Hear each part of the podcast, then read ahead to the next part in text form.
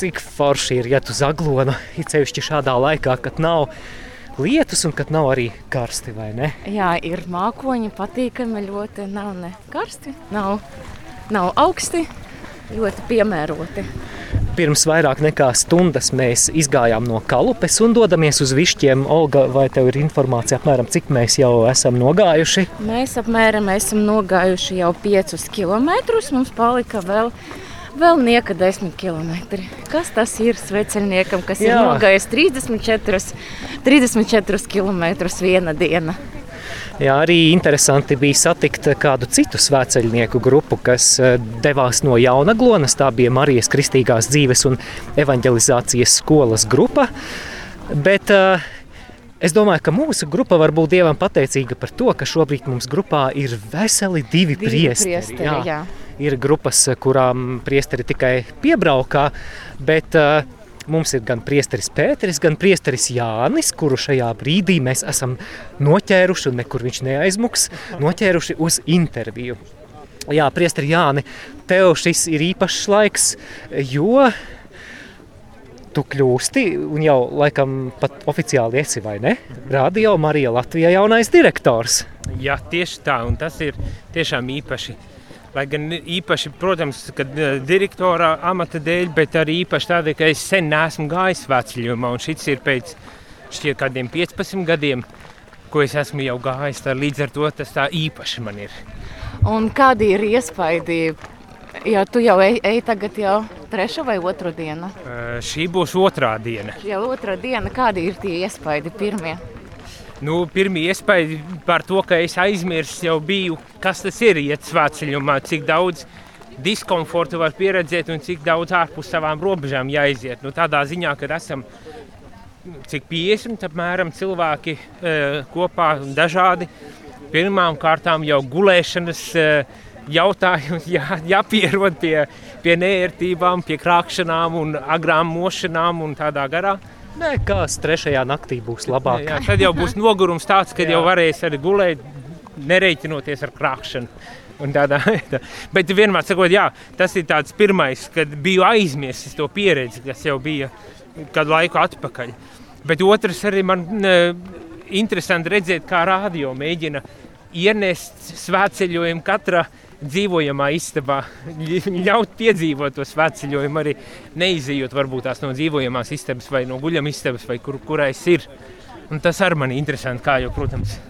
Varbūt ir kaut kas, kas tevi pārsteidza šai sveceļojumā, jau tāds pārsteigums tāds bijis. Es nedomāju, ka baigi pārsteidz, bet uh, no tā, ko es atceros no saviem svētceļojumiem, mēs nekad nebijām tik daudz lūgušies. Nu, tādā ziņā, kad ir uh, mise un slavēšana un stundiņas un, un visu laiku. Un, Un tajā tādā ritmā, ar dziedāšanu, ar ģitārām un visā tā, tā es to biju aizmirsis. Līdz ar to man tas vienkārši patīk atcerēties, o jā, bet tā bija. Lai gan man šķiet, ka pirmajā svētceļojumā, kad es gāju, tas bija gandarītāji. Mums nebija ne mūzikas, ne mašīnu līdzi, nekā tam līdzīga. Viss bija uz muguras. Līdz ar to mums bija arī drusku klusinātāks tas viss uh, svētceļojuma stils. Uh, Ciešanas bet... klusumā. Ciešanas klusumā. Jā, nu, jau Jānis arī minēja aizkadrā, ka pirmais svētceļojums bija ļoti lietainā laikā. Tad es pieļauju, ka šogad gan ir daudz vieglāk, kad ma mantas ved busiņš un kad uh, ir sausi laika apstākļi. Jā, pilnīgi noteikti. Jā, mm, tiešām pirmais bija šķiet gandrīz katru dienu um, liela lietus, spēcīgāks vai mazāk spēcīgs, bet liela lietus. Un braucot uz šejieni, viena no manām lielākajām, patiesībā vienīgā raiz bija, nu kaut tikai nelītu lietus un nevajadzētu pa dubļiem iet. Jā. Um, nu, pagaidām ir paveicies, bet uh, mēs svētceļojumā mēdzam dziedāt dziesmu Dzīve ir svētceļojums. Kā tev šķiet, dzīve ir svētceļojums? Es domāju, jā, jā pilnīgi noteikti.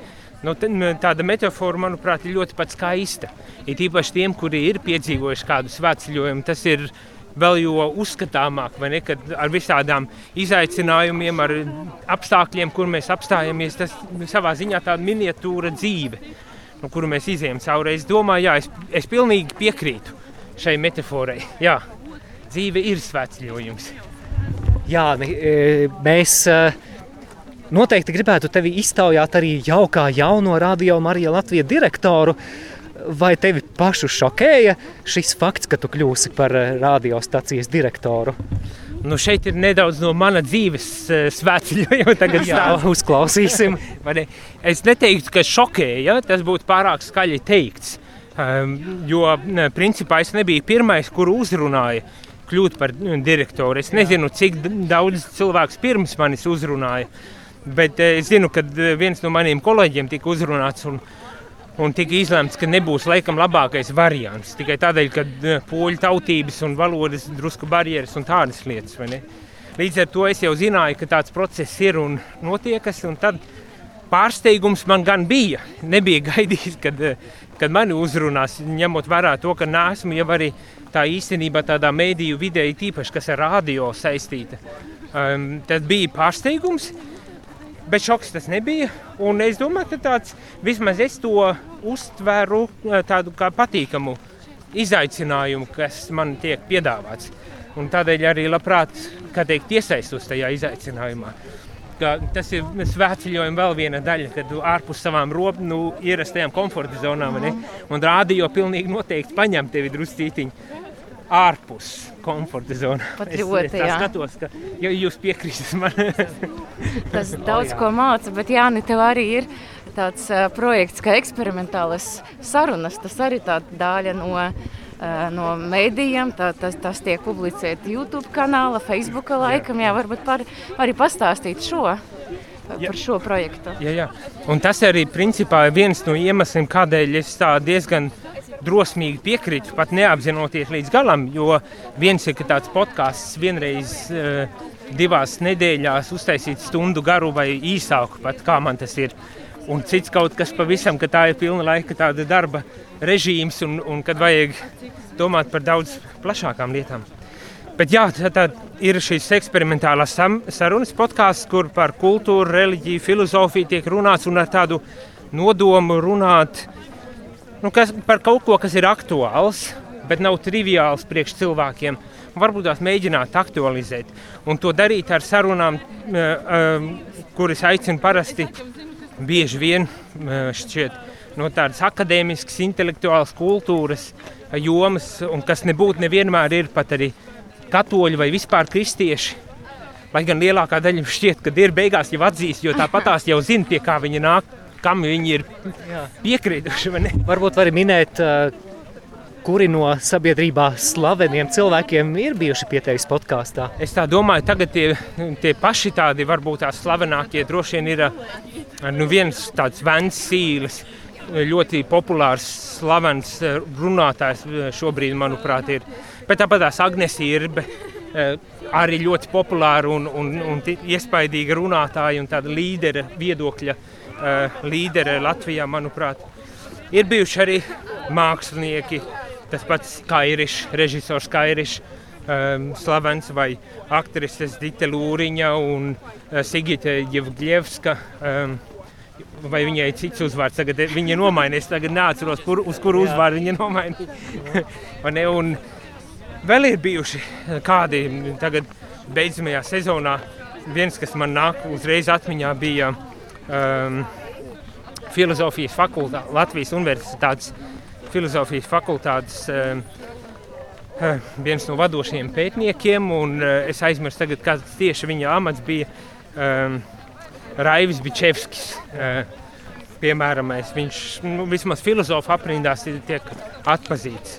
Uh, ir bijusi antropoloģe Agnese, Agnese ai, piedošana aizmirst jau uzvārdus, bet, bet nu, tie ir cilvēki, daži pat ļoti tādā šaurā specializācijā, un viņus, viņus atpazīst diezgan šaurā vidē, un varbūt tās ir vairāk sekulārā vidē nekā baznīcas vai tādā reliģiju uh, vidē. Bet tā, tā, tā, tas mērķis arī ir sarunāties ar cilvēkiem, un ļoti plašā diapazonā cilvēkiem ar viņu pārliecībām un mēģināt redzēt un atrast, varbūt tās ir kaut kas kopīgs. Ir, galu galā tā ir mana pārliecība, un es eh, cik saprotu no baznīcas puses arī, kad ir jārunā un jāmeklē, kas tad ir tas kopīgi, ka, kur ir tā eh, satikšanās punkti, nu, uz kā mēs varam celt uh, dialogu, veidot un celt kopīgo pasauli kaut kādā veidā. Jā, tātad tā, klausītāji var paklausīties un paskatīties YouTube, jāieraksta eksperimentālās sarunas, vai ne? Eksperimentālās sarunas. Jā, arī Facebookā, Facebookā. Un ir ar mājaslapu ar tādu pašu nosaukumu - eksperimentālās sarunas. Kur principā var, var atrast gan pašas sarunas, gan ar mazītiņus, tādus tekstiņus, pārdomu tekstiņus pēc sarunām un pirms sarunām, kurus, ar kuriem es iepazīstinu um, tēmas, kuras tiek pieteiktas. Jā, Nīs, saki lūdzu. Tagad, kad tu esi kļuvis par Radio Mariju Latvijas direktoru, un mēs jau pirms brīža runājām, cik ļoti Radio Marija var ievilkt tādā savā virpulī, vai eksperimentālās sarunas turpināsies?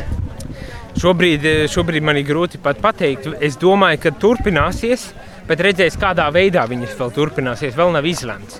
Šobrīd viena no idejām, kuru gribu paturpināt, ņemot vērā gan radio, gan eksperimentālās sarunas, ir ar Svētdienas doma. Un tā tālāk eh, gribas izveidot kursu, kas palīdzētu ikvienam interesantam iegūt kaut kādas pamat iemaņas, lai varētu ne tikai pie, pie radio vai pie eksperimentālām sarunām pieslēgties, bet varbūt tās draudzēs izmantot šos, šīs iemaņas, lai lai arī uzrunātu cilvēku, savus draugus, cilvēkus, vai kopienu cilvēkus un tā tālāk. Bet, bet man tas viss vēl ir procesā. Es nezinu, vai būs enerģija un spēki. tā kā līdz ar to man grūti pateikt. Doma un cerība ir turpināt, bet kā tas notiks, vēl nezinu. Vēl viens jautājums saistībā ar šodienas katehēzes tēmu. Šodien ir par aicinājumu celibāts. Un Jāni, tu esi Eiropas konsekrētu Uh, varbūt pasaki par precīzi šo nosaukumu, šo tavu amatu. jā, jāatzīst, ceru, ka pats trāpīšu pareizi, bet Eiropas konsekrēto konferenču prezidentu prezidents. Jā, ko tu, um, ko tu dari tā, jā? Tad principā ir tā.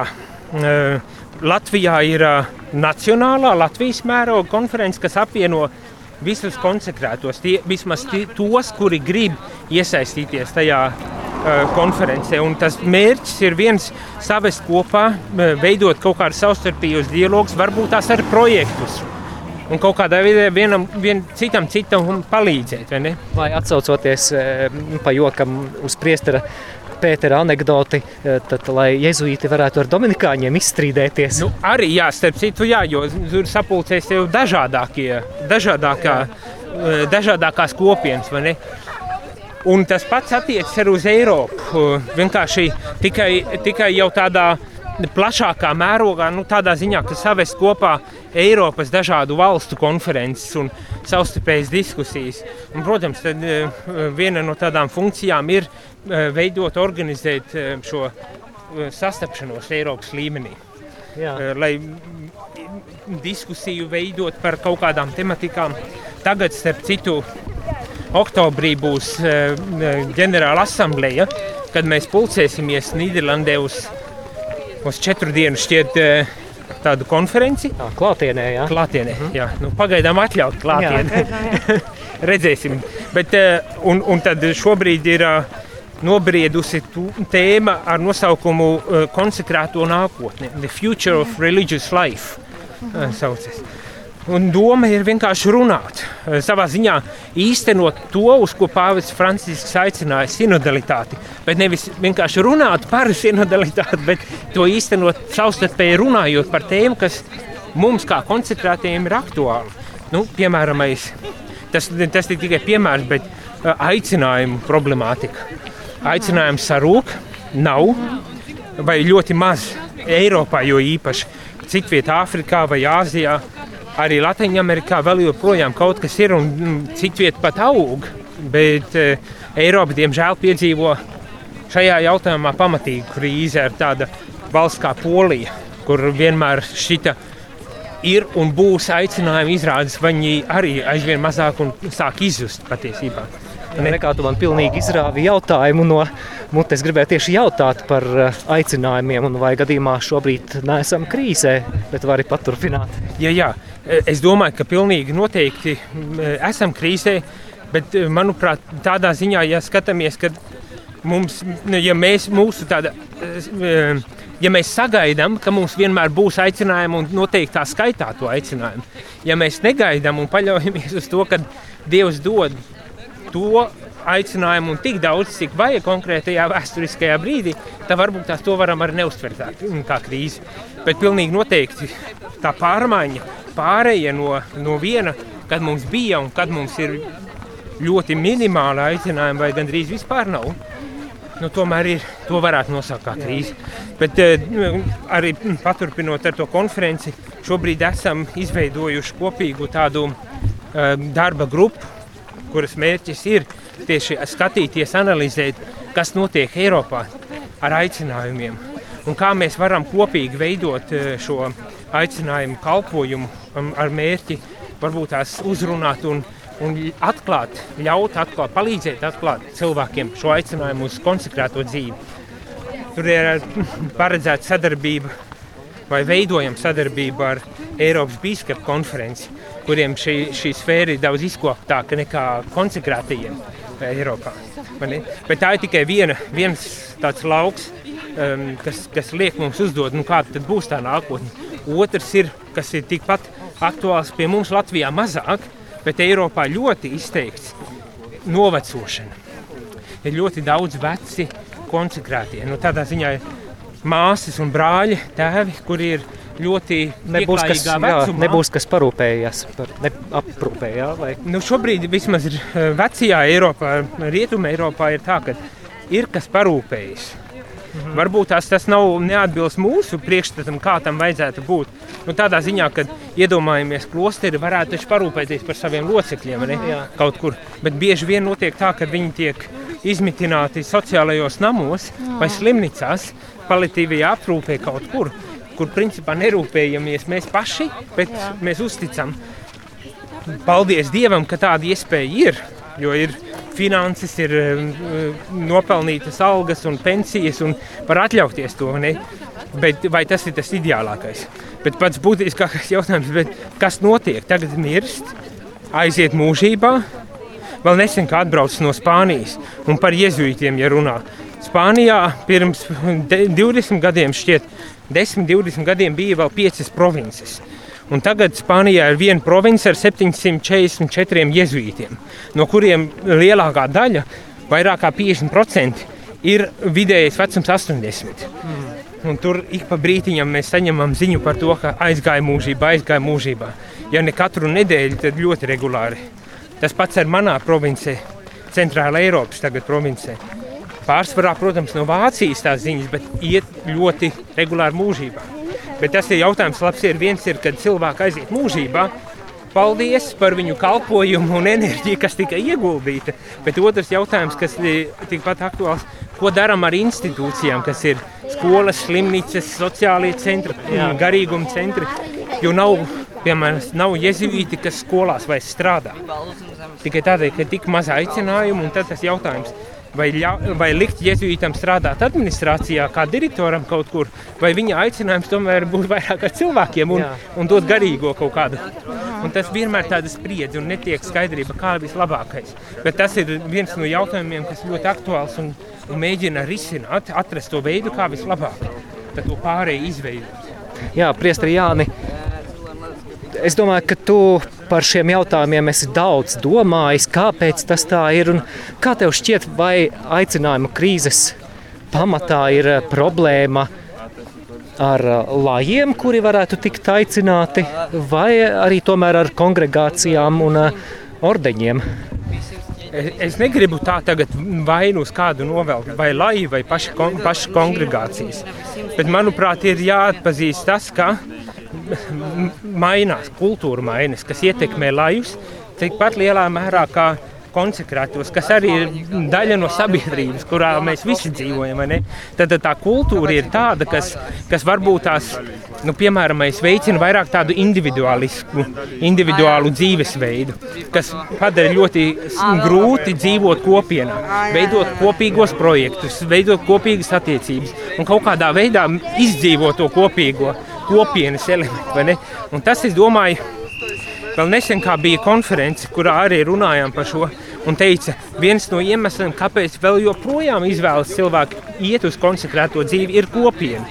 Bet tikpat lielā mērā tas ir viens no aspektiem, kas ir liek aiziet no kopienām. Tad kopiena ir tas, kas pievelk, Jā. bet tad, kad esam kopienā un atklājam, oh, bet tā ir tik nepilnīga vieta, nu, cilvēks sastopas. Tāpat tās kā ģimenes cilvēki sanāk iedomājas, ka viss būs lieliski un ideāli. Un tad atklājas, ka oh, ir kaut kāds niansīts, kas patiesībā nav tik eh, viegli pieņemams. Jo ir jāmainas, ir jāpielāgojas un savstarpēji tāds process. Un tā kā to atklāj, tad izrādās kopiena kļūst arī drusku par tādu šķērsli, lai izdzīvotu to savu aicinājumu un tad aiziet prom šie cilvēki, jaunie cilvēki. Nu, jaunie ar to gan mūsdienās, Eiropā vismaz, ir jāsaprot cilvēki pēc 30, ap 40. Tie būs tie cilvēki, kas izvēlas uh, uh, iet aicinājumu ceļu, garīgu aicinājumu ceļu. Jāni, un tu kā konsekrēta persona, kādi būtu tavi no, novēlējumi vai vārdi tiem cilvēkiem, kas pārdomā arī šo aicinājumu uz konsekrētu dzīvi, uz klosteru dzīvi? Drusku no, no jēzuītu pie, pieredzes. Mums šobrīd Latvijā mēs esam ar māju jau septiņus vai astoņus gadus. Šo gadu laikā mums ir bijuši šķiet, arī ieskaitot līdz šai dienai, šķiet kādi seši kandi, nu, cilvēki, kas interesējas par, par jēzītu aicinājumu, par, tieši par, pie mums tā nāk. Un kas notiek? Viņi interesējas, Viņi ir jau ar pieredzi, pārsvarā ar pieredzi cilvēki. Viņi interesējas, bet nepieņem lēmumu. Nevar izlemt, jā, es iešu pievienoties. Un tas mans tas vēlējums būtu viens tiešām veikt izšķiršanu, iz, saprast, vai tas ir kaut kas, kas mani saista, un vai arī tas ir kaut kas, ko es spētu patiesībā darīt. Jo jābūt arī drusku kaut kādai spējai, talantam vai ievirzē šajā, šajā jomā iet iekšā un tad drosmīgi pieņemt lēmumu. Bieži vien, manuprāt, ir tīpaši no ignāciskā garīguma problēma ir, mēs, mēs domājam, spriežam, bet nepieņemam lēmumu, un līdz ar to nespējam nonākt pie jēgpilnas kaut kādas reakcijas uz to, ko, kā Dievs mūs uzrunā. Ne? Ja viņš mūs sauc, mums ir jāatbild viņam. Nav tikai jādomā. Vienā brīdī ir jāspēr tas solis. Un tad mēs sapratīsim, vai ir tas mans aicinājums vai nav. Un neviens, kurš atnāk uz klosteru vai uz priesterību, pirmajā dienā nekļūst e, par priesteri vai klosteru cilvēku. Viņš tikai noiet, sāk iet to procesu, kurā viņš izšķirs. Tad būt drosmei pieņemt lēmumu, pat ja nevienmēr simtprocentīgi es uh, zinu. Bet, ja es atpazīstu, ka man ir spējas, kad man ir vēlme, kad es, es jūtu kaut kādu iekšēju dieva balsi vai, vai kaut kādu uh, uh, iedvesmu, kas man liek nebaidīties, tad rīkoties uz šīs iedvesmas pamata, pieņemt lēmumu un tad skatīties, vai tas ir bijis ceļš vai nav, vai, vai man ir aicinājums vai nav aicinājums šajā ceļā tieši. Jā, gribētu šo sarunu noteikti paturpināt, bet vēlāk, jo šobrīd mums ir apstāšanās un būs arī kunga eņģeļa tiešraide, bet uh, par konsekrēto aicinājumu un arī par tavu vīziju attiecībā uz radio Mariju nākotni mēs parunāsim jau nākamajā ierakstā. Ļoti jauki. Es ļoti labprāt, kā saprotat, man patīk runāt. Ja? Tīpaši, ja es saprotu, par ko es vēl runāju. Man liekas ļoti zīmīgi, ka mēs sākam sveceļojumu 31. jūlē, kad ir Svēta Ignācija diena. Un tas Jā. bija viens no iemesliem, kāpēc es nevarēju pievienoties eh, no paša sākuma. Bet esmu priecīgs, ka esmu šeit. Paldies, Priestri Jāni! Priesteri Jāni Meļņikovu, jezuītu tēvu iztaujājām mēs Māris un Olga. Un Olga. Veliki.